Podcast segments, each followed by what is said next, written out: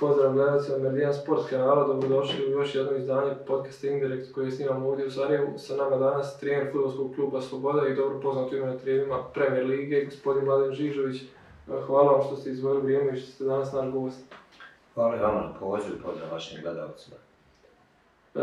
ostalo je jako malo do početka drugog dijela Premier Lige, kako ste zadovoljni urađeni na pripremama i kako, kako generalno, kako raspoloženju Sloboda dočekujemo i prve utakmice nastavak? Pa, generalno možemo biti zadovoljno odrađenim do, do, do današnjeg dana, imamo još tih nekih 7-8 dana do početka nove jel, polusezone. Odradili smo jedan ključni dio priprema u Medulinu gdje smo odigrali nekoliko kontrolnih utakmica. Mislim da, su nam i tereni i protivnici poslužili svrs, tako da nadam se da, da ćemo to i demonstrirati u prvenstvu i kupu. Što se tiče same, samo, same ekipe, nismo nešto puno mijenjali. Ostali smo većinom igrača koji su nastupili u prošloj polisezonu, Tako da, bez obzira na te dopune ili male promjene, mislim da to nekad može biti kvalitet, s obzirom da kada imate ovaj, groj ekipe na okupu neka dva prelazna roka ovaj, ili dvoje pripreme, onda u većini situacija budete nekad isti ili malo bolji u prvoj ligi ova zimska pauza nešto duža nego u ostalim prvenstvima, nešto dosta duža nego ljetna pauza i igrači onda ne vole nakon odmora ponovno da prolaze kroz pripreme. Kako su kod vas prošle pripreme, da li je bilo problema i da li su, e, da li su generalno povjedani s igračima na taj način da su oni zadovoljni radom? Pa jesmo, mi smo stvarno zadovoljni kako su oni ovaj, radili, imali smo jedan individualni program, tako da zvanično smo krenuli ovaj polovinom januara, međutim prije toga smo imali tri nedelje nekog uvodnog rada, nismo imali nekih velikih problema što se tiče povreda, jedino je Sajd ovaj, Huseinović u nekom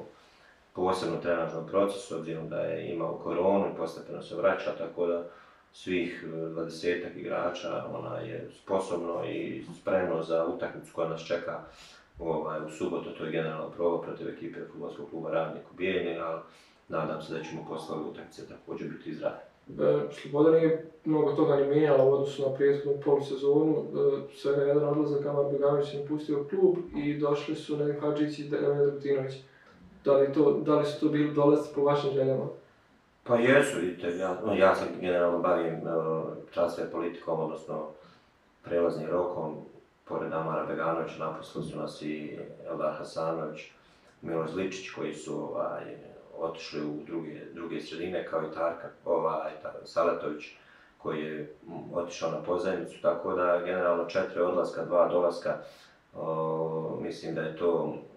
možda u nekim e, situacijama, nekim drugim klubovima malo, ali ovaj, mi, mi, smo drugačiji klub nego, nego neki naši premier ligaši koji mogu sebi dopustiti luksus da dovedu 6, 7, 10 igrača, pa onda da izaberu 2, 3, mi Ovaj, ne, ovaj, fokusirani smo većinom na momke koji su nekom, ono, ajmo reći, razvoju sa nekim stabilnim, pod navodnicima, starijim igračima. O, fokus je također na momcima koji su u Tuzli, okolini Tuzli, koji znače šta znači dres futbalskog kluba Sloboda i kao takvi imamo preko 50% igrača koji su proistekli iz ove priče. E, sa dva nova napadača koji su pa možda nekog sličnog profila, da li vam se otvara da ćete možda nešto i drugačije igrati, odnosno prvu polusezonu, da li Sloboda ima sad neki novi adut u rukavu? Pa dobro, mi smo i neke utakmice prošle polusezone igrali sa različitim informacijama s obzirom na, na igrača koji smo raspolagali. Sad nam se otvara dodatna mogućnost, pogotovo prema naprijed, e, dobili smo dva različita igrača nego što smo, odnosno dva različita profila igrača nego što smo imali u prethodnom polusezonu odnosno na Lića i na Ramća, tako da dobili smo malo brže igrače, ovaj, možemo da koristimo ih ovaj, na, nekoliko, da kažem, sistema igre, ali mislim da sistem ne igra, igraju igrači, tako da vidjet ćemo, ovaj, bez obzira kakav vi sistem ovaj, na početku utakmice postavili, ovaj, prva promjena rezultata ovaj, vraća sve u neku u neku novu, novu, novu kolotečinu, tako da zavisnost od protivnika mi ćemo se opredijeliti na, na sistem igre, ali generalno gledat ćemo samo sebe, tako da fokusirat ćemo se na ono što mi imamo. Bez obzira što je opšti utisak da je sloboda rezultata koja je postigla u prvom dijelu, postigla na isključivo timsku igru i na taj neki zajednički duh, e, je da se James Bogdanović, barem što se tiče početka sezone, izdvojio kao neko ko je možda nosilac te igre. E, pitali smo vas milijon puta sigurno za njegove, njegovu omiljenu poziciju, gdje ga vidite u narodnom dijelu sezone. Vjerujem da je veliko bogatstvo za trenera imati igrača koji može igrati, tako odgovoriti na više pozicija. Pa jeste, jeste, James je bio pogotovo na početku pol sezone, ajmo reći, dominantan. Kad igraš da, ili postigne pogodak, malo to drugačije ulazi u nastavak meča i malo to drugačije svi gledaju sa strane, ovaj, obično kad neko da go, sa fokus je na njega.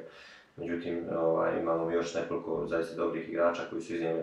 ovaj, teret ove polusezone, kako u prvenstvu, tako u kupu, s obzirom da nismo imali preveliki roster igrača, 19 utakmica u, prvenstvu i dvije utakmice u kupu, plus pet prijateljskih igrača, iznijelo svega 15-16 igrača. To je ovaj, e, dokaz da, da su momci dobro radili, da, da smo odradili kvalitetne pripreme, nismo imali prevelikih povreda i među njima se, ajmo reći, jednim dijelom kao James, međutim, evo i, ove polusezone je počeo dobro, dobro da radi, nadam se da će tako i nastaviti. Ovaj, može da igra na više pozicija, u nekoj bližoj, bližoj prošlosti njegova osnovna pozicija je bila, čini se, samo napadač. Mi ga koristimo u užem, dijelu veznog rega, nekad i, na boku, ali evo generalno počeo da igra i defanzivnog veznog, nesvatljivo za njega, ali zaista radi se jednom igraču koji svojom energijom može da doprinese bilo, bilo, bilo kom timu, samo tu energiju treba usmjeriti na pravi način, nekad malo pretjera, ali generalno ok. E, napravili ste tu neku kombinaciju, uopće gledamo prosje godina zna da prevari u nekim ekipama pa da bude niži nego što je to stvarnost. E, recimo Sloboda je napravila tu kombinaciju da imate u ekipi dosta iskusnih igrača koji su i lideri na terenu, sami ste rekli nekoliko puta vaša produžena ruka kao što su Kariši, kao što su Jusić, kao što je Bukić na gol, ali opet imate toliko tih mladih igrača od kojih Sloboda može da gradi svoju budućnost kao što su Maksimović koji je novi kapiten, kao što je Kapitanović i još nekoliko igrača sada redom sve ne, spominjem. Pa jeste, opredeljenje kluba je fokus i na razvijanju nekih mladih igrača. Naravno,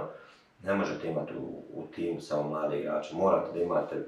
igrače koji su svojim karijerama prošli malo više nego, nego ostali. Jer ako nemate te takve igrače prave, onda gubi svaki smisao. Niko vas ne pita za prosje godine, niko vas ne pita za bilo šta, samo se gleda rezultat. Mi imamo, još ponavljam, sreću da imamo karakterne starije igrače, među njima ste nabrajali otprilike to, to, tu je naravno i Said ovaj, ali generalno mi imamo ovaj, u našim redovima i Jasmina Ospića koji je mladi reprezentivac, Maksimovića koji je novi kapiten i ja reprezentivac, Kapetanovića koji je standardan juniorski reprezentivac i Eldara Mahmedović. Pored njih je i Kurtović koji je prošao mladinsku školu, zatim Deveđić koji je prošao mladinsku školu, sve sto momci koji su 99. 2000. godište, tako da ovaj, fokus naravno na njima sad. Da li će to oni iskoristiti, prepoznati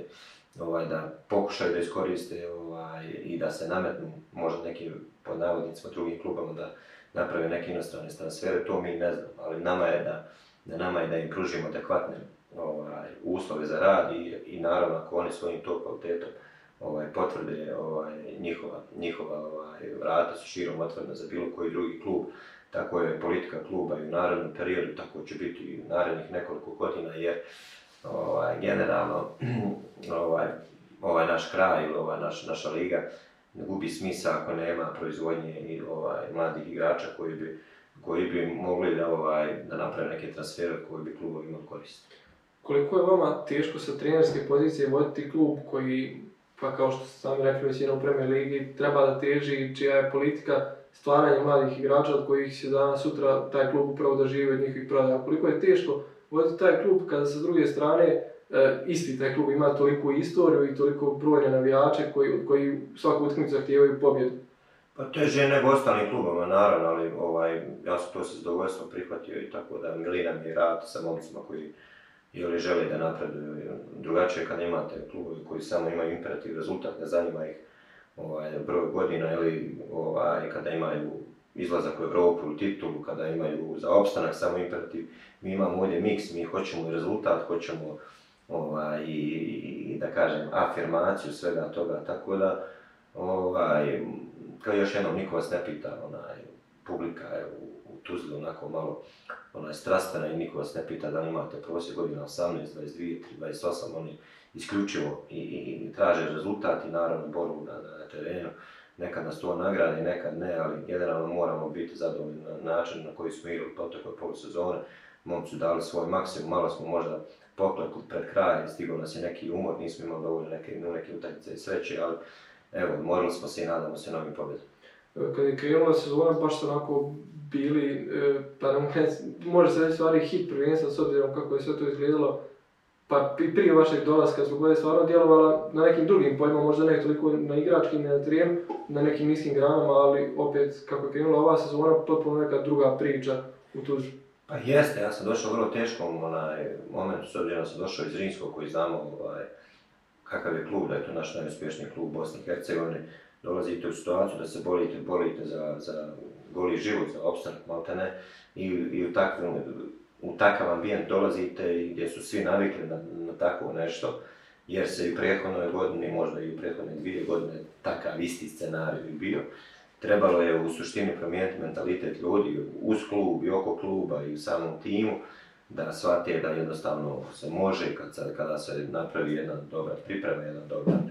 dobar angažman, da se može nositi sa svim ekipama u Bosni i Hercegovini. Tako smo ušli u tu priču, imali smo, ovaj, hvala Bogu, sreće na početku, koju smo sigurno i zaslužili, napravili,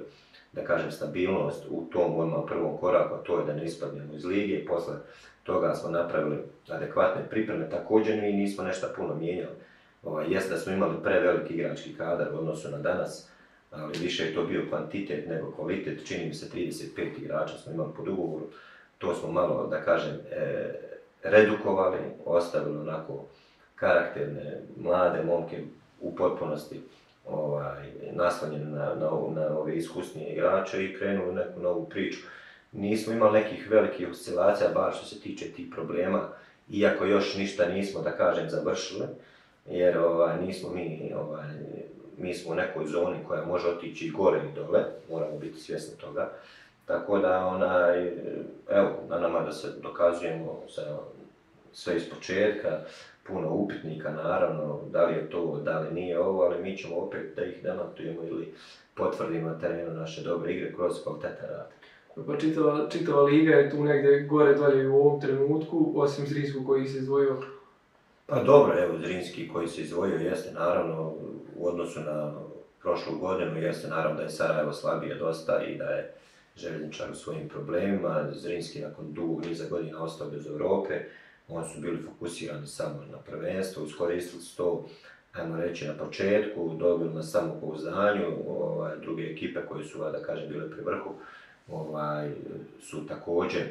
vidite da su Zrinski i Tuzla City prvi i drugi, koji su sav fokus stavili na prvenstvo, dok ipak mislim da su druge ekipe onako malo i slabije bile, koje su imale i,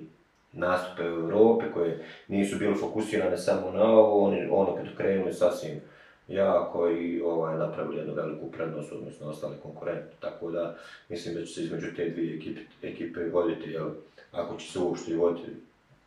odluka o prvaku, mislim da Rinski ima veliku prednost, tako da onaj, sve ostale ekipe, ovaj, kad kaže se tu su negdje, ovaj, mislim da je najveći dobitak slobode koja su umiješala u te ekipe gdje, gdje može da igra ravnopravno za razhodne ekipe prošlih godina, ovaj, da, da sada mi možemo ovaj, da odemo u, u Vrapčiće, da, donesemo tri boda, da odemo na Grbavicu, da igramo Vrapravo, da odemo na Koševo, gdje se borimo, gdje promašimo nekoliko prilika, gdje izgubimo utakmicu 90. minute. Mislim da je to u nekoj bliskoj prošlosti bilo apsolutno nezamislivo, opet je to pokazatelj dobrog, dobrog kvalitetnog rada, naravno, ovaj, dobre kvalitetne igre igrača, prije svega da ne bude sad tu neke zamjene teze.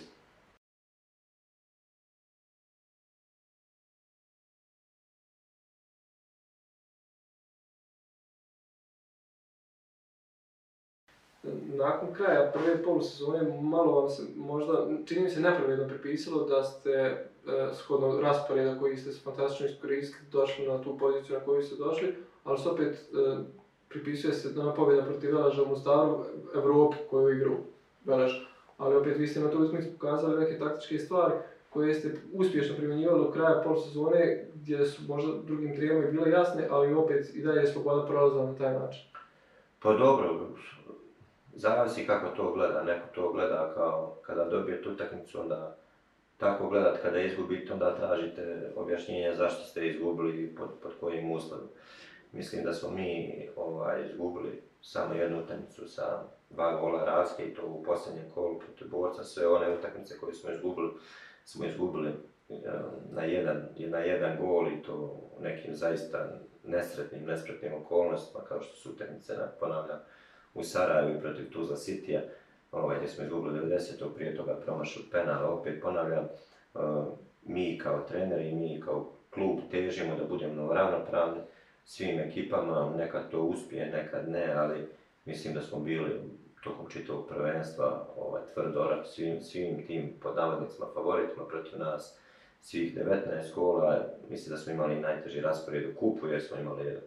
Goražde koje je onako, hajmo reći, sasvim korektno kući gdje smo posle toga izbacili Zrinski ovaj, koji je došao u najjačem sastavu kod nas gdje smo bili, ajmo, reći, u najmanju ruku ravnopravni i sasvim zasluženi prošli i došli do finala kupa i mislim da malo više zaslužujemo respekta i poštovanja generalno od medija i nekih sportskih radnika koji to više pripisuju sreći ali nama je drago da je to tako, mi ćemo onaj, pokušati da što više radimo i da što više sreće slušamo. Uz prvenstvo, to upravo ste sad sami spomenuli, odlično ste u kupu gdje ste u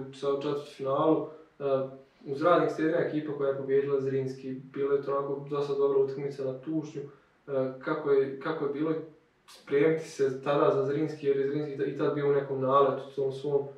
Pa dobro, jeste, Zrinski je ono, imao svoj nalet, Mislim da smo nas malo i pocijenili u toj varijanti, ušli su lagano, mi smo to iskoristili. Ovaj, mislim da smo dominirali, pogotovo drugo prvo vrijeme, gdje smo stvarno nekoliko prilika, Zrinski se opredijelio za, za čuvanje te tečene prednosti, mi smo i kazali pred kraju utakmice i mm, nemamo mi neku preveliku pripremu za protivnika, više gledamo sebe, više gledamo teren. Ovaj, naravno u svakoj ekipi ima nekoliko individualaca koje treba obratiti pažnju, sigurno je da je u Zrinskom bio Bilbija kojeg opet nismo tako mogli sačuvati, koji na jedan fenomenalni individualni kvalitet pravi razliku u ligi. Ovaj, tako da ovaj, to je jedini igrač koji je, da kažem, u ovoj sezoni istakao sebe individualno, sve je to ostalo bilo na timski neki e, duh, također ovaj, što se tiče tog kupa, opet imamo raspored koji je takav kakav jeste, ovaj, dolazi nam, ovaj, igramo sa Sarajevom, naravno dvomeč, tako da trudit ćemo se i tu da damo svoj maksimum, pa vidit ćemo šta će biti. Kako vam djeluje sad Sarajevo, upravo pošto taj dvomeč dolazi poprilično brzo, što je malo čudno jer zbog terena se odlaže ovaj početak prvenstva, a u dvije sedmice se igra opet kup pa jeste, ovaj, velika je pauza, međutim odmah na početku ćemo biti skusno transpari. Imaćemo ćemo dvije utakmice kupa i nekog utakmica prvenstva. Ovaj, vidjet ćemo Saravića da, da bude misija i gledao pod vodstvom novog trenera i pod ovaj, tim dolaskom nekog igrača. Sigurno da će im trebati na period adaptacije da se uigraju, mi ćemo to pokušati iskoristiti. Ovaj, da, da im malo odložimo tu njihovu igranost i da, i, ovaj, da im pružimo jedan dobar otpor. Naravno, ovaj, mi imamo svoje odlute, Sarajevo sigurno, mi ne možemo, kažem još jednom, da, da priuštimo sebe ono što Sarajevo može, da dovede ovaj, 6-7 igrača, vi, vi kad vidite gužu koja je kod njih u navali, odnosno u tom ofanzivnom dijelu onaj, tima, pored Ahmetovića i Čatakovića, sad Novog, Suljića, Velkovskog, sad ne nabrajam sve te igrače, Kobiljara, ovaj, bit, će, bit će zaista teško izabrati naj, ovaj, 11 kod njih. Ovaj, a mi imamo to što imamo i mi ćemo se hrabro suprostaviti i vidjet ćemo. Bićemo, po meni će biti zanimljiva utakmica, ali Iskreno budem, naš sav fokus je na prvom kolu protiv Tuzla City, ako još jednom ponavljam, mi ništa nismo završili u prvenstvu, ovaj, tako da moramo se tu potpuno posvetiti da ne bi došlo neke situacije koje su bile prethodnih godine. Pripojavate li se možda baš tog scenarija, pa naravno se pripojavate prolaska u kupu Sarajeva, ali onda e, tog nekog ritma srijeda, subota za mlade igrače i... Ma ne, s obzirom zato što, evo, opet sam ponavljam, prošle godine 19 utakmica i dvije utakmice kupa i pet prijateljski 26 utakmica smo odigrali bez, kažem ponavljam, bez velikih povreda. Ovaj, tako da ove sezone je 14 i nadat se još 5, svega 19, tako da... E, za razliku prošle sezone, sad prvo kolo počinjete protiv Tuzla City, onako je prilično emotivna utakmica što se tiče tuzlanske publike. E, sigurno da je tu dodat neki pritisak na igrače, ali opet gledamo upravo taj i budžet koji imaju dva kluba, Tuzla City se definitivno izdvaja. Pa što se tiče budžeta, to je nemjerljivo, jel? Sada i tu City i Slobode e, u zadnje vrijeme nemamo, nemamo uspjeha pod navodnim znacima protiv njih rezultatskog. Kažem još jednom, i prošlu utakmicu smo onako izgubili u 92. minuti, prije toga smo izgubili 11 u 80. Uglavnom su to egal utakmice u kojima je, ajmo reći, Tuzla City imao više uspjeha, evo prilike za neki revanš, evo prilike da, da probamo da dođemo do za nas veoma bitnih bodova i da ovaj, ovom prilikom pozove sve navijače da dođu jer uželjeli su sigurno ovaj, svi ljudi malo futbala i pogotovo Tuzlu, pogotovo što je to da, kažemo derbi koji se igra tu, mi smo domaćini tako da očekujem da to bude na jednom dobrom nivou. Pored toga imate još dvije utakmice do dijeljenja prvenstva i tog trećeg dijela Premier Lige. E, ponovo igrate protiv Zrinjskog, to je, mislim, pored izbacivanja, izbacivanja kupa, to je vaš e, bivši klub. Koliki motiv imate da još jednom da budete vjerovatno jedini tim koji će dva puta pobijediti Zrinski u sezonu? Da. Pa igramo prvo, sa, imamo kup, pa posuše, pa Zrinski. Pa vidim, vidite, dole sam proveo 7 godina kao igrač, kao trener, jel, ovaj, tako da objektivno tu ima naravno emocija, dole, dole sam stekao mnogo prijatelja i, i dan danas imam ovaj, ljude sa kojima se redovno čujem, to je, ajmo reći, moj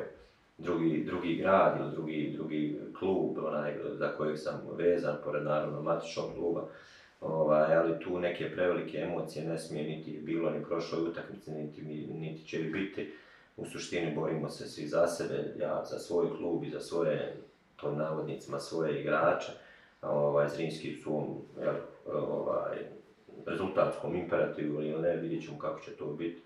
Ali generalno ima još do, ta, do te utakmice, tako da kažem još jednom, samo nas zanima prvo kolo i utakmice sa Tuzla City. Spomenuli smo ovdje promjenu na klupi u Sarajevu gdje umjesto Gorana Sabića stigao Aleksandar Vasovski. Bilo je tu još nekih e, smjena trenerskih ove sezone u Premier League? E, generalno vi gdje god ste radili, pa imali ste neki kontinuitet. Mislim, ako gledamo da je bilo trenerskih smjena po mjesec dana, da ste trener zadržali u klubu i mjesec dana, e, koliko ste tu vi sigurni za svoju poziciju u slobodi, koliko je u stvari teško raditi ako vam stalno neko visi na glavom i ako stalno strijepite od toga šta će biti? Pa to je svakodnevnica u bosansko-hercegovačkom futbalu i, i svakodnevnica u ovome poslu. Ovaj, evo ja sam već, činim se, pet godina kako sam tu na čelu. Jeli da sam šef stručnog štaba, svega sam tri kluba promijenio. Onaj, tako da nemam prevelikih, hajde da kažem, dodira sa tim čestim smjenama. Ali mislim da je to jedan problem koji objektivno ovaj, treba da stane, jer nemoguće je da za sve probleme koji se dešavaju u okviru kluba, nekad su to izražene rezultatski, ali ima mnogo problema koji nisu samo rezultatski, da to bude odgovorno samo jednog čovjeka. Međutim, vrlo često posle tih smjena ili kako hoćete promjena tih trenera, nastavi se po starom, odnosno nikakvih e, promjena generalno nema unutar tima, osim te kozmetičke je da je neko odgovoran za nečiji posao koji je radio u nekom prethodnom periodu i da je ponio su odgovornost. Ako je to razlog smjena svih ostalih trenera, onda su treneri tu obično žrtve nečijeg, eh, ajmo reći, slabog upravljanja klubom prema sobom. Tako da, po meni to ipak malo treba više podrške, malo više vjere ljudima, pogotovo ljudima koji su u sportu, koji su prošli nešto više od, od, od, od ljudi koji odlučuju o samim tim trenerima, a često je u upravama ovaj, naših klubova ljudi koji možda i nemaju previše dodajna sa futbalom. Mislim da u našem sportu i u našem futbalu, pa evo kad konkretno pričamo, ima dosta dobrih kvalitetnih ljudi, kvalitetnih trenera, kvalitetnih sportskih radnika koji mnogo mogu da daju u ovaj bosansko-hercegovačkom futbalu, a, a nisu na nekim ovaj, funkcijama. E, ima dosta tu iskustva vezano, odnosno neke prethodne periode, treba to sve iskoristiti, evo, neću govoriti za sebe, ali evo, ovaj, ja igrao sam i bio sam na svim funkcijama od osnivanja Premier Lige, kao igrač, kao pomoćni trener, kao glavni trener, tako da se vrlo dobro sjećam prije 20 godina, 2002. kada je počela Premier Liga, znam kakvi su uslovi bili i znam kakvi su danas, tako da ima tu još mnogo ljudi kojima treba zaista dati podršku i pažnju i treba da krenemo svi jednu naprijed, najlakše je zamijeniti trenera, ali generalno problem ostaje. Kad ste dolazili u Slobodu generalno, kad ste birali klub koji ćete preuzeti, da li, da li je to bilo jedna od stavki koju ste najviše gledali, to jest ljudi kojim ćete sarađivati uprav kluba, ono, odnosno oni koji sada stoje uprav kluba i koji stoje iza vas i Slobode? Pa dobro, nisam, vidite, nisam poznavao ove ljude koji su u Slobodi, mislim, nisam imao dodine tačke posle Zrinskog ovaj, sam, trebala mi je pauza nekih mjesec, dva dana i vrlo brzo sam shvatio da ovaj, treba onaj, da mi nedostaje to već, ako sam imao jednu ponudu iz Makedonije, odbio sam je jer nisam htio da idem u nešto nepoznato, nisam bio spreman. Ovaj, trebao mi je prijeki odmor, međutim nisam odmah prihvatio ponudu slobode zato što sam htio da vidim zaista ozbiljnost ljudi koji vode ovaj klub, da li zaista želi da naprave neki iskorak ili je to samo onako kozmetičko mijenjanje trenera, iako je prethodni trener sam podnio ostavku, nije to bilo na, na smjenu To Eto, obavili smo tri razgovora i ljudi su onako mladi, poletni, većina njih je možda mojih godina ili čak mlađi, tako da sam prepoznao jednu pozitivnu energiju u momcima koji vode trenutno klub. Istina, nam imamo određenih problema, ali generalna energija je pozitivna i ti ljudi koji trenutno vode sada to zaista daju u skladu sa svojim mogućnostima puni doprinos razvoju slobode razvoju kluba, razvoju mladih igrača, što je opet generalno ovaj, naš jedini i osnovni cilj da ne dolazimo u zone opstanka, da tome pokušamo ovaj, napraviti neki iskorak što se tiče afirmacije mladih igrača i što se tiče promocije ovaj, tuzlanskog sporta. Kad govorimo o Premier League, prvi problem su tereni, a onda kad govorimo o problem terenima. Prva stvar koja pada na pamet, jedna od prvih ekipa koja pada na pamet je Tušan i Sloboda. Definitivno jedan od problema. Čija, čija je to da se ta stvar popravi? Mislim, Savez je obećao rekonstrukciju terena koliko čujemo i vidimo, ništa se ne radi dalje. Pa dobro, ne treba tu biti previše pametan, ovaj, odemo malo do Hrvatske i vidimo kakvi su tereni u Hrvatskoj, ja vam govorim, opet se vrlo dobro sjeća kakvi su bili prije 10-15 godina, vidimo kako je suđenje u Hrvatskoj i ona infrastrukturu pod navodnim znacima ovaj, predstavljaju upravo te možda dvije komponente. Ali evo, ovaj, da bi bilo svima bolje, naravno da trebamo dići se na veći nivo i da ljudi koji vode klubove, treneri, igrači žive od svog sobstvenog rada, od sobstvenog kvaliteta, sobstvene promocije. Do toga ćemo možda malo još morati sačekati jer ovaj, imamo pored ovaj, glavnih terena koji su veliki problem, također i problem u omladinskim školama gdje je još veći, gdje, gdje, te omladinske škole daleko od javnosti, gdje se njihov glas apsolutno možda i neće, tek da vidite kako su to tereni gdje, oni, gdje naša djeca treniraju, tako da ima tu još puno posla što se tiče infrastrukture u bosanskom hercegovačkom futbalu.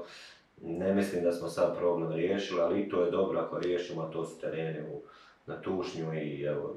su i čini u Mostaru i u Banja Luci za prvi, za prvi taj korak, tako da svi se nadamo tome, nadat, nadat se da će to jednog dana doći, da će imati optimalne iste uslove kao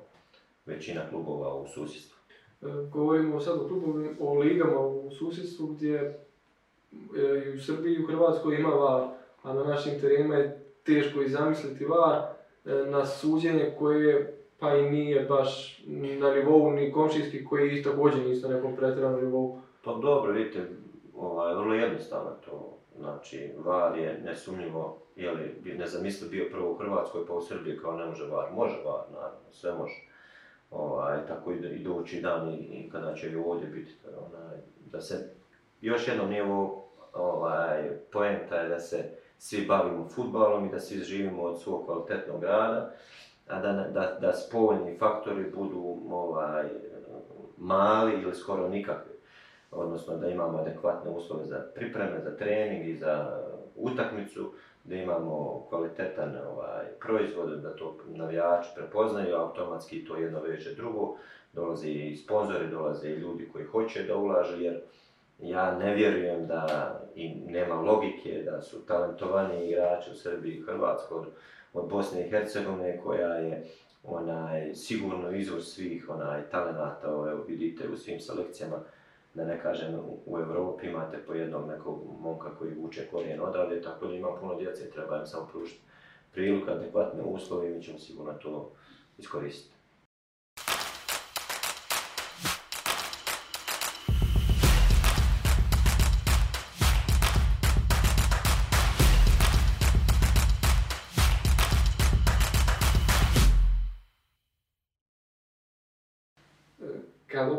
gledamo prvu pol sezonu što se tiče slobode, ali možda kad gledamo iz Rinski, nakon što je došlo do smjene trener, vaše smjene e, pozicije, možda vam se u nekim dijeloma kroz neke priče zamjerao defanzivnom futbalu. Da. E, da li, da li ta priča u slugom pije vode ili da li, da li je to tačno? Pa ne znam, vidite, onaj, konkretno ovaj, moj mentalni sklop i moj ovaj, smisao za bilo šta je, naravno, koji me poznaju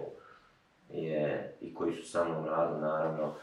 igra i samo igra, to je neki moj onaj moto, tako da i kroz moju karijeru, onaj, da se ko ne naljuti, onaj, više sam onaj, imao smisla za igru i težio kao ofanzivnoj igri i to mi je bio cilj smisla s obzirom da sam igrao na toj poziciji. E sad bi bilo zaista apsurdno da sam nešto što sam ja pokušavao igram kroz svoje karijere, da ja sad kontra to radim. Onaj, tako da ljudi izvode zaključke iz svojih glava, onaj, onako kako oni misle ili onako kako oni čitaju. Ja ne mogu nikoga da sad tu nešto ubjeđujem, naravno ljudi koji sa mnom rade, koji su tu oko mene i moje, moje igrače, pod navodnicima govori moje, ovaj, znaju i na kakav način mi radimo i šta, šta prezentujemo. Nekad je to vidljivo golim okom ovaj, na terenu, nekad ne, ali generalno ovaj, možete, vi, možete vi tražiti onaj, da, da idete svi prema naprijed ako imate u tom momentu bolju ekipu ispred sebe, onda je li trener vas je vratio sigurno da se branite na, na, na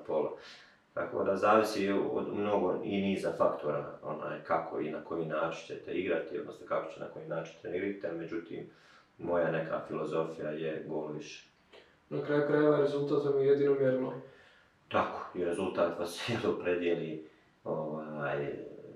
jeste li ili niste to što, što radite sad, onaj, na koji način, najmanje je bitno, iako se meni kažem još više sviđa ovaj, stil koji mi pokušavamo da, da prezentujemo, nekad to daje rezultata, nekad ne, ali zaista bi bilo absurdno onaj, da u odnosu na profil igrača kojim raspolažemo u tom momentu vi forsirate nešto svoje, a objektivno nemate igrača koji bi to iznijeli, Tako da morate napraviti neki balans u odnosu na ono sa čim raspolažete. E, rekli ste da vi vodite razred politiku slobode, mislim, ne u smislu da vodite, nego da odlučujete opet kod, da. E, na te neke načine ko dolazi i odlazi. E, s obzirom da ste vi diplomirani ekonomista, sloboda je u vašem liku dobila dvije funkcije, onda? Pa dobro, to je neka moja mladost, koja, onaj, završio sam na dakle, to ekonomski fakultet Eto, više, više, više radi, ovaj, to se mama sad hvali, da, da, da, više njoj to znači nego iskreno. Nego čitala igračka i igračka karijera. da, onaj, eto, to je neka, bi, mislim, bila je to naravno i moja želja kad sam završio srednju školu, da tu završim, hvala Bogu, uspio sam, ali sad neke, smo neke koriste od toga nemam, ali eto, ne, onaj, drago mi je da, da, da, onaj, da sam to uspio završiti jer sam stekao mnogo prijatelja, mnogo nekih lijepi situacija iz tog nekog studentskog života, tako da mi je onaj plus u svemu tome što, što, što onaj, je tako to bilo. E, znam da je nemoguće u stvari to uraditi, ovo što ću vas pitati sad, ali znam koliko to navijači slobode i ljudi iz Tuzle zanima. E, sloboda u Europi, taj neki san koji se stvorio nakon pet kola, ja vjerujem da i dalje u glavama svih navijača slobode traje. Pa to je san koji traje u, jel, E, i sigurno da će doći jedan dan kada ćemo mi sa punim pravom tražiti, jel, imati tu ambiciju. što se tiče slobode, ja vam govorim ono što, što je ono, realno i što jeste, a to je da su ljudi koji vode klub imaju neki četverogodišnji plan kako bi trebala sloboda da izgleda. Sloboda je u bliskoj prošlosti imala, ponavljam, neke probleme koji su došli na naplatu u nekih prethodnih godinu, dvije dana i gdje se ljudi bore svim svojim sredstvima ovaj, mogućnost da, da slobodu dovedu na zelenu granu u tom procesu, je sigurno da će doći jedne godine onaj, imperativ rezultat. Sad to nije, međutim, mi igrači i treneri se nekad ne slažemo s tim, hoćemo preko ovaj, toga da idemo, iako možda to nije pod navodnim znacima realno, ali mi ćemo onaj, urat svim silama, vidjet ćemo dok će nas to ovaj, odvesti ove sezone, onaj, pokušat ćemo da napravimo ambijent, a to je teren koji ste malo prije spominjali, u nekoj sljedećoj ili polusezoni je plan da se zaokruži neki tušanj, odnosno da se napravi adekvatni uslovi vezano za slačionice i vezano za tribine i onda u nekom tom periodu kada ta, ajde, pod navodnicima, energija se prenese na sve to ostalo, da probamo tu treću godinu da napadnemo svim silama Europu. Ali kažem još jednom, mi pokušavamo to ranije onaj, da probamo, ali onaj, svjesni smo da su u ovom momentu neki klubovi po svim drugim parametrima ispred nas, ali mi ćemo se truti da budemo onaj, tu blizu, pa vidjet ćemo gdje će nas e, Kad je u pitanju vaša trenerska karijera, vi ste i izlasti u Europu, vi ste poprilično imali uspjeha, e, da. više nego što su neki očekivali e, s nekim klubovima, ali međutim na tim europskim utakmicama ostaje neki korak ukus više nesreće koju ste imali, evo ako ako se vratimo samo na zadnje, zadnje vašu europsku seriju sa Zrinskim, gdje pa penal, penal, su presudili da. da Zrinski ne ide u play-off sa Ligu Tako je, evo i ajmo da kažem i prije nekih četiri godine, čini mi se tri četiri godine i uspjeli smo E, možemo reći da je to možda veći, neću reći veći uspjeh, ali jedan ogroman uspjeh da jedan e, rad, tim iz Biljna, to je radnik Biljna, uspije kroz prvenstvo da se domogne pozicije koja vode Evropu ona i da ostvari prvu istorijsku pobjedu protiv Spartak iz Trnave, kluba koji je prije godinu dana toga igrao grupnu ligu, grupnu, ovaj, ima igrao grupu Lige Evrope, ovaj, gdje smo opet, kaj da kažem, eh, prvi put imali splet nesu, gdje smo izgubili također na penale, gdje smo vodili do 92. minute, ovaj, i nismo uspjeli da prođemo u, u, u drugo kolo također i, i prošle, pretprošle godine situacija sa Zrinskim i sa Apoelom na Kipru, mislim da je, da je ovaj format takmičenja, da smo imali relanš u Mostaru pred fantastičnim navijačima, sigurno da bi veće šanse imali, iako smo imali i prednosti na penalima i u tome. Nismo uspjeli, ostaje taj mali žal, ali evo, uspjeli smo da osvojimo neke bodove vezano za bosansko-hercegovački futbal i i za sam Zrinski da je onaj, da bude, ajmo reći, onaj, aj, nosilac u nekim kolima nada ovaj, Evrope, evo prošle godine nisu uspjeli da se plasiraju, sigurno da, da, bi ti bodovi koji smo mi tada osvojili bili im onaj, dodatni zato što bi bili vjerovatno nosioci u prva dva, tri kola, također ove sezone će sigurno koristiti, s obzirom da će sigurno igrati Evropu. E, te sezone ste se kao trener u Europu uspjelo svijet Duzalanžu gdje ste kao igrač, po, izba, gdje kao, kad ste bili igrač Duzalanž izbacio Zrinski iz Europe. Pa jeste, igrali smo protiv Differdanža, ovaj, ovaj, sada je uspjeli smo pobijeti 3-0. A mislim, to je, činim se, bila 2005. godina gdje smo izgubili od Dudelanža, a iako smo i gore pobjedili 1-0 Mostar, smo izgubili posle produžetaka gdje smo prerano slavili, činim se, sjećam se da je bio postavljen. Da... E, čini se sam izlazio dvije, tri minute do kraja, da, da je to bila euforija, trebalo smo da igram protiv, ja mislim, Rapida ovaj, iz Beča, u zadnjoj sekundi smo primili gol, hoće eto, nadat se da će ti nesretni rezultati u posljednjim minutama se nekad okrenuti na našu uđenicu, a dotad moramo još malo više raditi. Koliko je razlika bila među europskih utakmica za bosansko-hercegovačke klubove, za naše klubove tad i sad? Pa dobro, razlika je neko mentalno pristup, moram vam reći. Prije kada igrate u Europu, bilo je ovo, samo da, da ne primimo 5-6 komada, sjećamo se tih utakmica koje su naši klubove nekad i jesu primali danas. Ovaj, malo smo mi više kuražni, mogu vam reći. Po meni je bilo nesvatljivo, evo, sjećam je primjer, prije godinu dana, dvije, kad smo mi igrali protiv Apelonje, mi jesmo ispali na penali, jesmo imali nesreću, ali svi 120 minuta smo mi bili konkurentni ovaj, apel gdje smo mi stigli u vojstvu imali, imali nekoliko prilika da okrenemo utakmicu u našu korist, da pobjedimo. Po meni to u nekom prijateljnom periodu prije 3, 4, 5, 10 godina je bilo apsolutno nezamislivo, jel, pogotovo protiv takvog protivnika. E, mislim da trebamo više vjerovati u sebe da više trebamo ovaj, napraviti neke stvari da jednostavno nema boja za sviga i danas ovaj futbal, tako da Onaj, može se, može se kada, se kada su svi na nekih 100%, može se ovaj, neke te pod navodnicima favorite i proći, što da ne. Koliko je teško bilo igrati Premier Ligu kad imate takve utakmice kao što je Olimpija gdje ste također u posljednjim minutama e, došli do pobjede i preokreta. Jedna utakmica baš onako sa dramatičnom završnicom, pa nakon toga i Apoel. Koliko je teško kombinati Premier Ligu Pa dobro, mi smo imali zaista pod ovaj, u toj sezone, polosezone, te, teške te ispite gdje smo igrali po 120 minuta, gdje su to mentalna su velika pražnja, fizički su ogromni napori, ovaj, igrati srijedu, ovaj, putovati na takve utakmice, igrati protiv takvih protivnika i vratiti se na nivo ovaj, premije lige gdje smo mi ovaj, svega, evo ja ću dati čini mi se primjer protiv Apoela gdje smo mi ispali završili utakmicu 12, niko sigurno nije legao do 3-4 sata, posle takve utakmice vratili smo se u petak, popodne u Mostar, mi smo u ponedljak igrali u Krupu, u Krupi dobili 4-0, u smo igrali Kup Bosne i Hercegovine, u Tekstilcu dobili smo 7-1, onaj, to je za mene bila veća pobjeda, znači u, u šest dana odigrati takve ovaj, tri utakmice, onda sam shvatio da onaj, ipak može se kada si fokusiran, može se kada si onaj, u potpunosti posvećen kad imaš mentalno dobro pripremne igrač. Mi možemo tražiti stalno Libije, igra u Europu, pa ovaj, ona, igraju prvenstvo, pa ne mogu izdržati.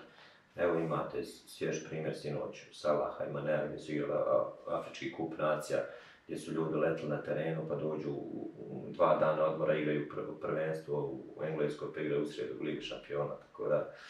sve je kad gledamo sad sa ove distance vaš period trenerski u Zrinskom, e, prilike, mislim da smo prisudili splet nekih dosta nesretnih okolnosti. Taj poraz od Sarajeva koji je došao dvije utakmice poslije ispilanja Dopola e, je također pa nesretan s obzirom na autogol i sad i koji kasno prije Pa dobro, eto, ja sam došao u Zrinski, vidite, onaj, e, bila je ekipa onako, bili smo šesti na tabeli i bilo je zaista ono, onaj, onako dosta, dosta iznutra problema vezano za, za, za očekivanje iz rezultata koji su bili, a pritome bila je godina korone gdje smo svega imali 4 pet utakmica i, i, da je tad projekt bio, Zrinski bio ostao bez Europe. Uspjeli smo u 4 pet utakmica da dođemo do treće pozicije polufinala kupa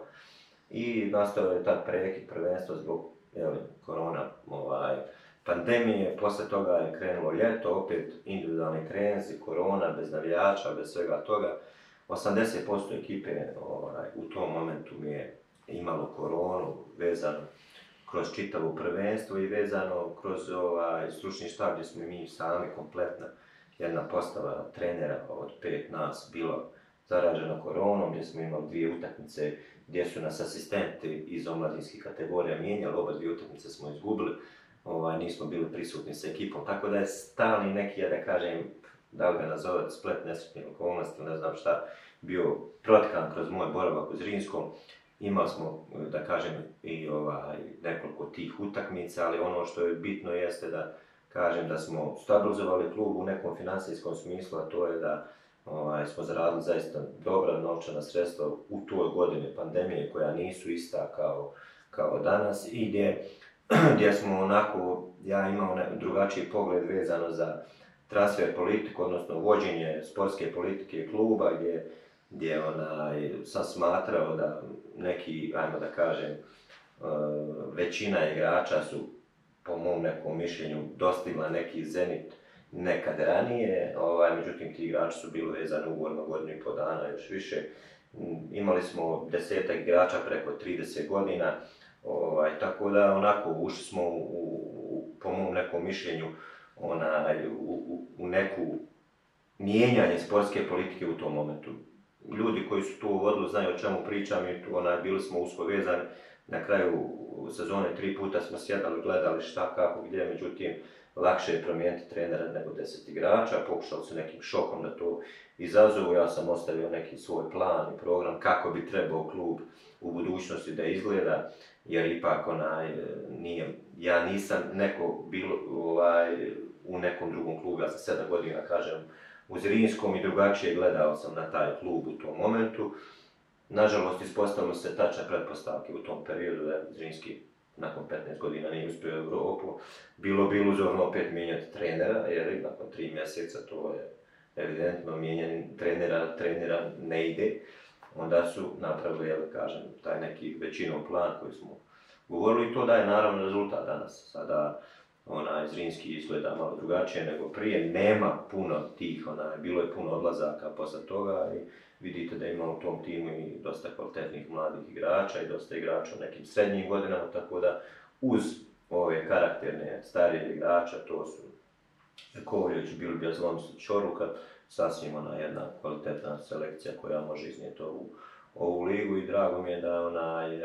bez obzira je li što vodi slobodu, naravno i ovaj, drago mi je da se jednim dijelom uvažila neka moja razmišljanja koja sam tamo vidio unaprijed nekih 2, 3, 6 mjeseci.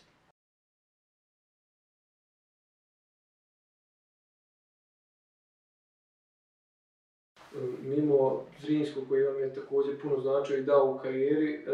radnik je neki klub kojem se počeli trenersku karijeru, ali koji vam je i pored trenerske mnogo dao i futbolskoj, nekoj igračkoj karijeri. E, period vaš u radniku je jedan od najuspješnijih perioda u istoriji kluba radnika. Kako, kako vam je bilo raditi tad u Bijeljni, koliko je teško stvar možda sadašnji radnik koji nije na tom nivou? Pa dobro, jeste, eto, sve to rekao u rečenica na vratio sam se, iako sam 99. došao u radnik i bio tri godine, vratio sam se tek 2015. u jednoj polusezoni koja je bila užasno teška, se svega osam bodova radnik je bio, pa vi možete zamisliti šta je to bilo. Nakon 16 kola uspjeli smo da sačuvamo ovaj premiligaški status i, da kažem, tu smo napravili prvi veliki korak na stabilizaciji kluba. Posle toga sam već imao nekih određenih problema što se tiče zdravlja i onda sam ubrzo napustio ovaj, futbal i posvetio se trenerskom poslu gdje sam asistirao prvo Slavu Petroviću pa zatim Nebojši Miloševiću ovaj, u tom nekom trenažnom procesu i nakon toga ovaj, sam preuzeo funkciju ili ulogu šefa stručnog štaba. E, ono što je tad bilo evidentno, osvojili smo tri kupa Republike Srpske, osvojili smo kup Bosne i Hercegovine, i u Europu, stvarali istorijsku pobjedu. Znači sve neke lijepe stvari vezane ovaj, za futbalski klub radnih su se desile u tom periodu i zaista mi je bilo, onako kad se ovako sad sjetim tih detalja, bilo jedno veliko dragocjeno iskustvo, pa što se tiče trenerske karijere i što se tiče ovaj, nekog posla u nekom narodnom periodu, to je jednostavno nemerljivo. Imao sam apsolutnu podršku i predsjednika kluba tada, Mladena Krstajića, koji je stao iza mene u nekim ključnim trenucima kada nismo imali baš neke sjajne rezultate, odnosno kada smo imali krizu rezultata, to se ispostavilo kao ali, ključno u nekom narednom periodu gdje smo mi zaredali i ostvarili se ovo što sam prethodno navrao danas.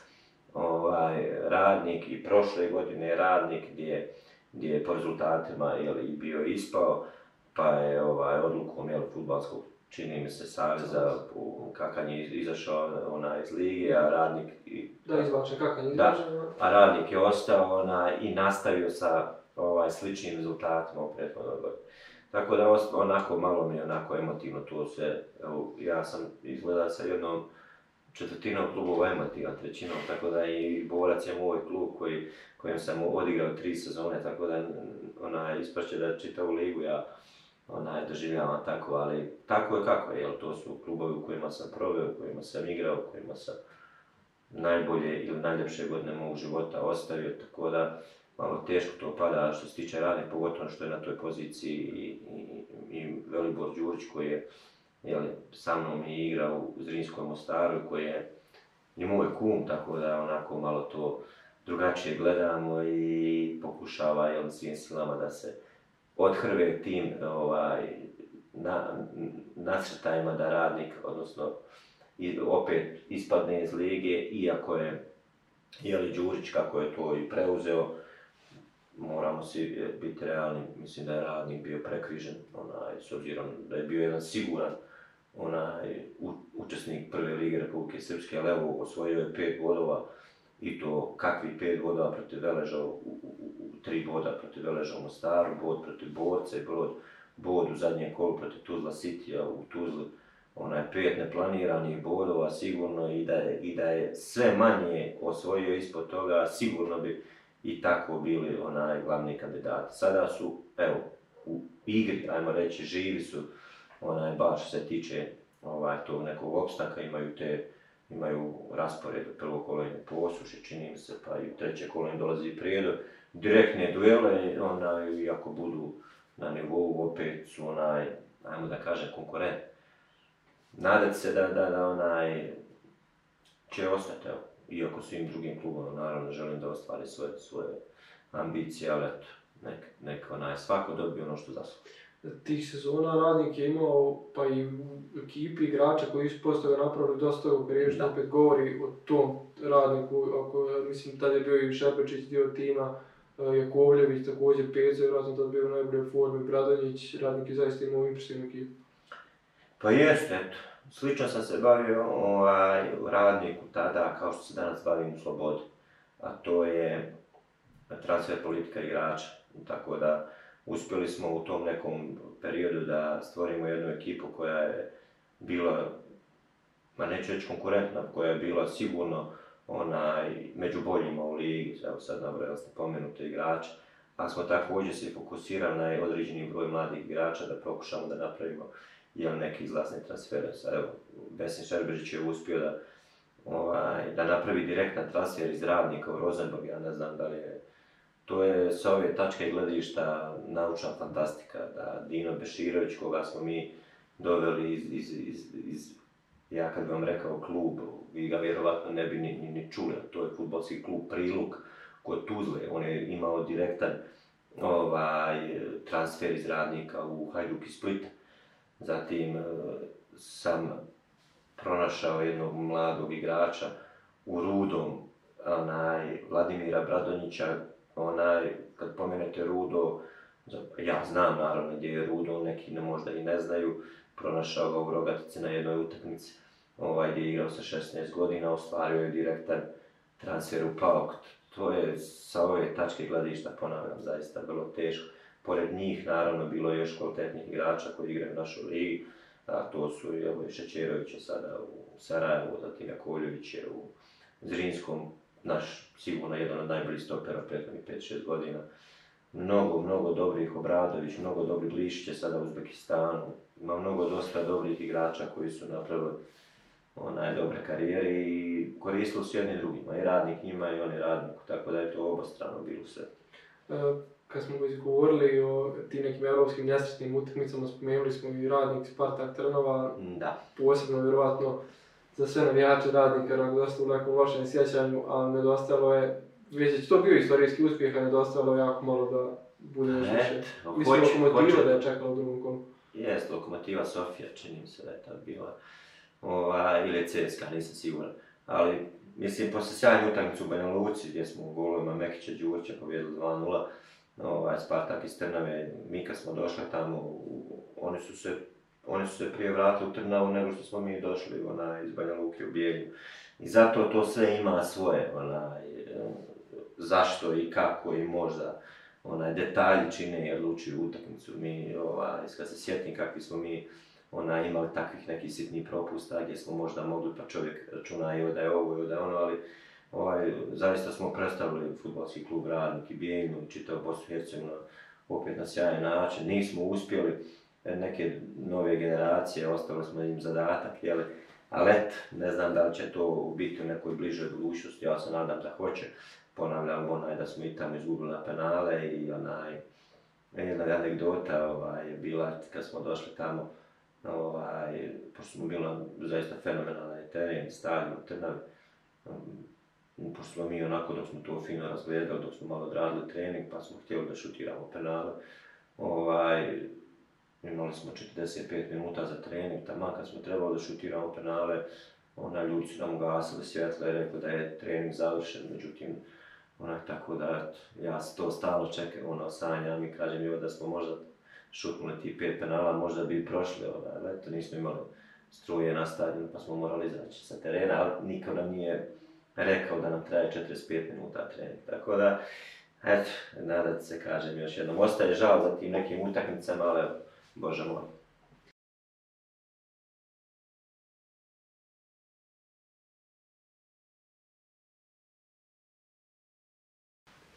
pred kraj igračke karijere u radniku, taj dio, da li ste, stvari kada ste počeli razmišljati o trenerskom poslu?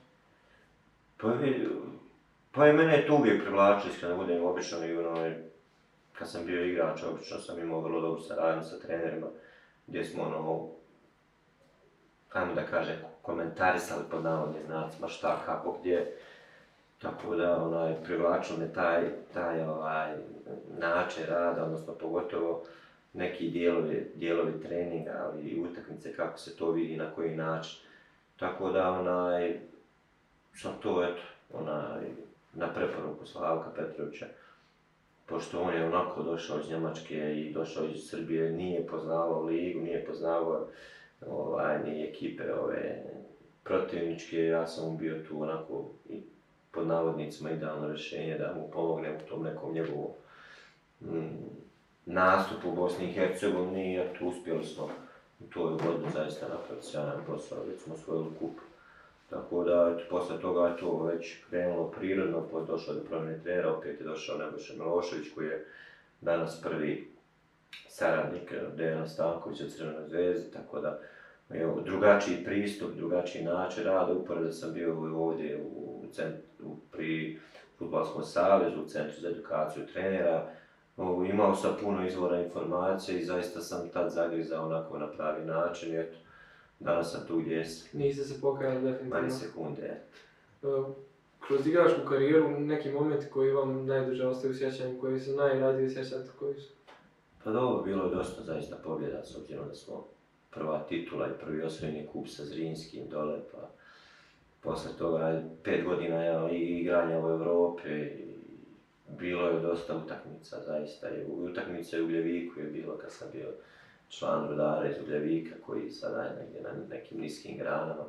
Ovaj, zatim je dosta dobrih pobjeda u Banja Luci sa borcem. Bilo je dosta zaista. Jedna od najdražih pobjeda je sigurno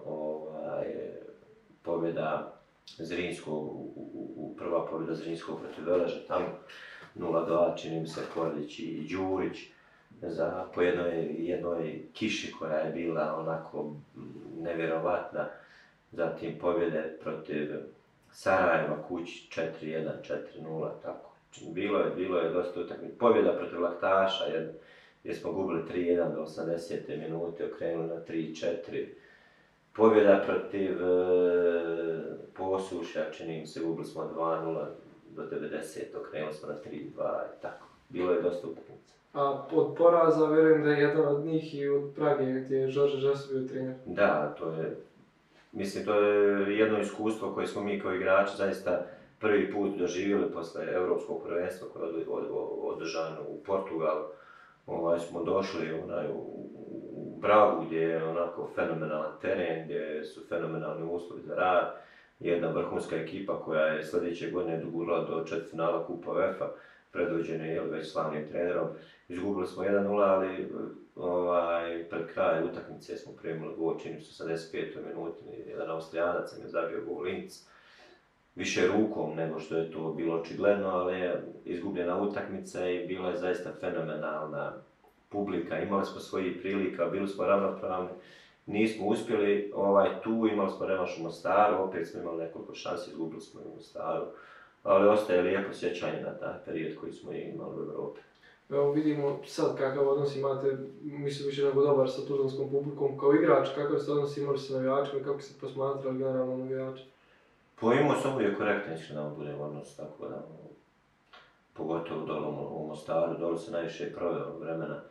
ovaj, u, u Rudaru sam bio kad tako, to je jedan mali klub, ali sa dušom, onako, u, u radniku također, ovaj, u borcu, ona je isto vrlo, vrlo ovaj, publika koja je zahtjevna, malo na početku sam imao problema s obzirom da neko opet zdravstveno stanje, kada sam došao nisam mogao tri na dva mjeseca, pa malo sam se sporio u vodi, ali generalno sa svima sam imao korektan odnos, onako malo sad kad je to trenerski, ja razumijem da svi navijač navijaju za svoje klubove, pa onda kad god nešto kažete, izjavite, uvijek se javi neko da to na neki način, onaj, e, neću reći devalvira, ali jednostavno onaj nekim situacijama zapitati se, pa zar je, ovo, ovo moguće da neko ovako na ovakav način razmišlja, pogotovo onaj što se izvlače riječ iz u Beluci ste sigurno bili bolje među navijačima, znam da ste imali jedan nadimak koji ovako sa strane možda nekom si ne bi svidio, ali definitivno nije bio nije bio čin uvrede, nego je bio više nekog odnosa među Pa jeste, to zaista mi smo imali, mislim, ono, e, navijači su onako posebno u svakom klubu, evo, i mi imamo jednu zaista grupu tu u Slobode, onaj, navijača koji su, ajmo da kažem, neka stara garda, sad dolaze neki novi klinci, E, u Banja Luci, onako, ono, čini mi se, ono, vatrine, dolazili na treninge, imali smo za jedno vrijeme zaista vrlo dobrih rezultata gdje smo bili jesenji prvaci, gdje smo jedne godine izborili Evropu pa nismo imali licencu. Pa bilo je svakakvih onaj, situacija u Banja Luci, ali bio je to jedan zaista lijep period i, i zaista mi je drago kad odem i u Banja Luku jer imam i tamo dosta dobrih prijatelja i onda kada dođete u neke situacije koje danas vodite ekipu koja nije iz tog grada, da li je to džinski, da li je to radnik, da li je to borac, ljudi ne mogu da shvate da, da ste na nekoj poziciji koja može trenutno da odgovara da vi navijate za taj klub, naravno sa punim pravom, ali nekad ono, nisu nekad jasne neke stvari, ali eto, prečutiš, onda ideš dalje, imaš svoje društvo, svoje krug prijatelja, ipak niko ne može da oduzme istoriju, odnosno podatak da, da si igrao tu, da si živio tu, da imaš prijatelje, da imaš u, ali, i, i trofeje neke, tako da eto, svako nek radi svoja, mi ćemo gura Od osnivanja Premier Lige do danas vi ste tu bilo kao trener, bilo kao pomoćni trener, bilo kao igrač, e, osim jedne sezone tije koju ste proveli u Albaniji u Tirani. Tako je, u, u, u jedne godine smo, otišao sam u Tiranu, u ono, na poziv ili na preporuku Blaža Slišković, ovaj, gdje smo pravili godinu dana ovaj, i, i osvojili smo kup ovaj, Albanije gdje smo nakon 7 godina vratili. Tirana je najuspješniji futbalski klub ovaj, u Albaniji sa mnogo, mnogobrojnim trofejima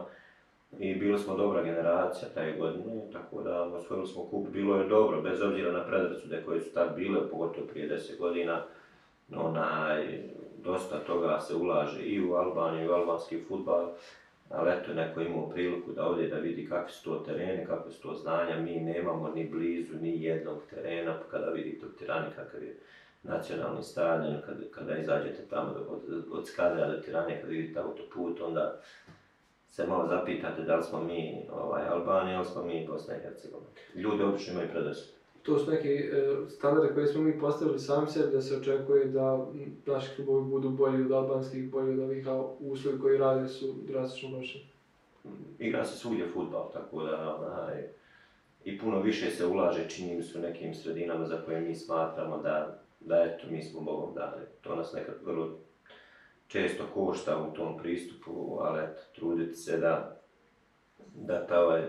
to mišljenje ona, mijenjamo i da više radimo nego da više zaključujemo i donosimo neke ponavljam predrasude. E, je vam osvajala Premier Liga za tih 20 godina? Pa nije, vidite, dosta generacija je je prošla, uvijek je novi izazov, novi, ovaj, već, već se nestrpljenje, ja vam iskreno kažem, čekamo prvenstvo i, i, i, kup koji to, to je naš život koji smo tu, ono, ajmo, u sportu, kao i svaki drugi posao, međutim ovdje ima puno emocija, puno, puno nekog e, adrenalina, svakodnevnog rada, to nije ustaljeni posao kao u firmi, da sjediš od 7 do 3, uvijek je nešto novo, uvijek su neke nove ovaj, situacije vezano za trening, vezano za povrede, vezano za nove igrače, vezano za protivnika, tako da je to ovaj, dosta promjenjivo, nije uvijek isto i nije uvijek monotono. Naravno, uvijek je onaj, eh, svake sedmice se na ispitu poraz pobjede ili tako da to daje neku posebnu draž. Treba nam definitivno više ljudi koji ima premier lige, ne može do sad, pored 20 godina. Pa dobro, vidite, ima tu još dosta trenera koji su tu, evo, ovaj, sad ne znam, da li mogu se, da su, da ima jedan, ali evo možda, možda da, da se tu sjeća tih nekih možda malo kasnije, možda ne baš od prvog dana, ovaj, zajedničke lige, ostalo ne znam da li ima neko koji koji je aktivno učestvovao i kao igrač tada i ovaj, bio je Kruna koji je tu bio također na početku toga, ostalo su to sve ovaj, treneri ili sa strane, ovaj, ili su to treneri koji su nekim godinama onaj, koji nisu bili aktivni učesnici ovaj, Hvala vam puno na ovom gostovanju, ja želim i vama da, da ostvarite sve svoje lične ambicije, da slobodi što bolje rezultate, naravno neka naša želja je to što duže gledamo Premier Ligi, ali vjerujem da i vi možda imate nekih drugačijih ambicija u budućnosti. Naravno, svako koji ko se bavi ovim poslom želi da ide prema naprijed, da gura prema naprijed, tako i ja sigurno da težimo da napravimo iskorak, baš se tiče moje trenerske karijere, ali evo, to nikad ne možete znati, naše je da, da treniramo i da radimo, a da li će potvrda za taj rad doći u nekom, boj, neću reći bolji angažman, nekom angažmanu koji će biti ovaj, mimo naše ovaj, zemlje, vidjet ćemo, ali mi idemo dalje, evo, također želim da se zahvalim na pozivu i da nađete snimatelja. E, hvala vama što ste gledali, komentarišite, ostavite nam sve sugestije, prijedloge i vidimo se ponovo za 7 dana. Hvala, prijatno.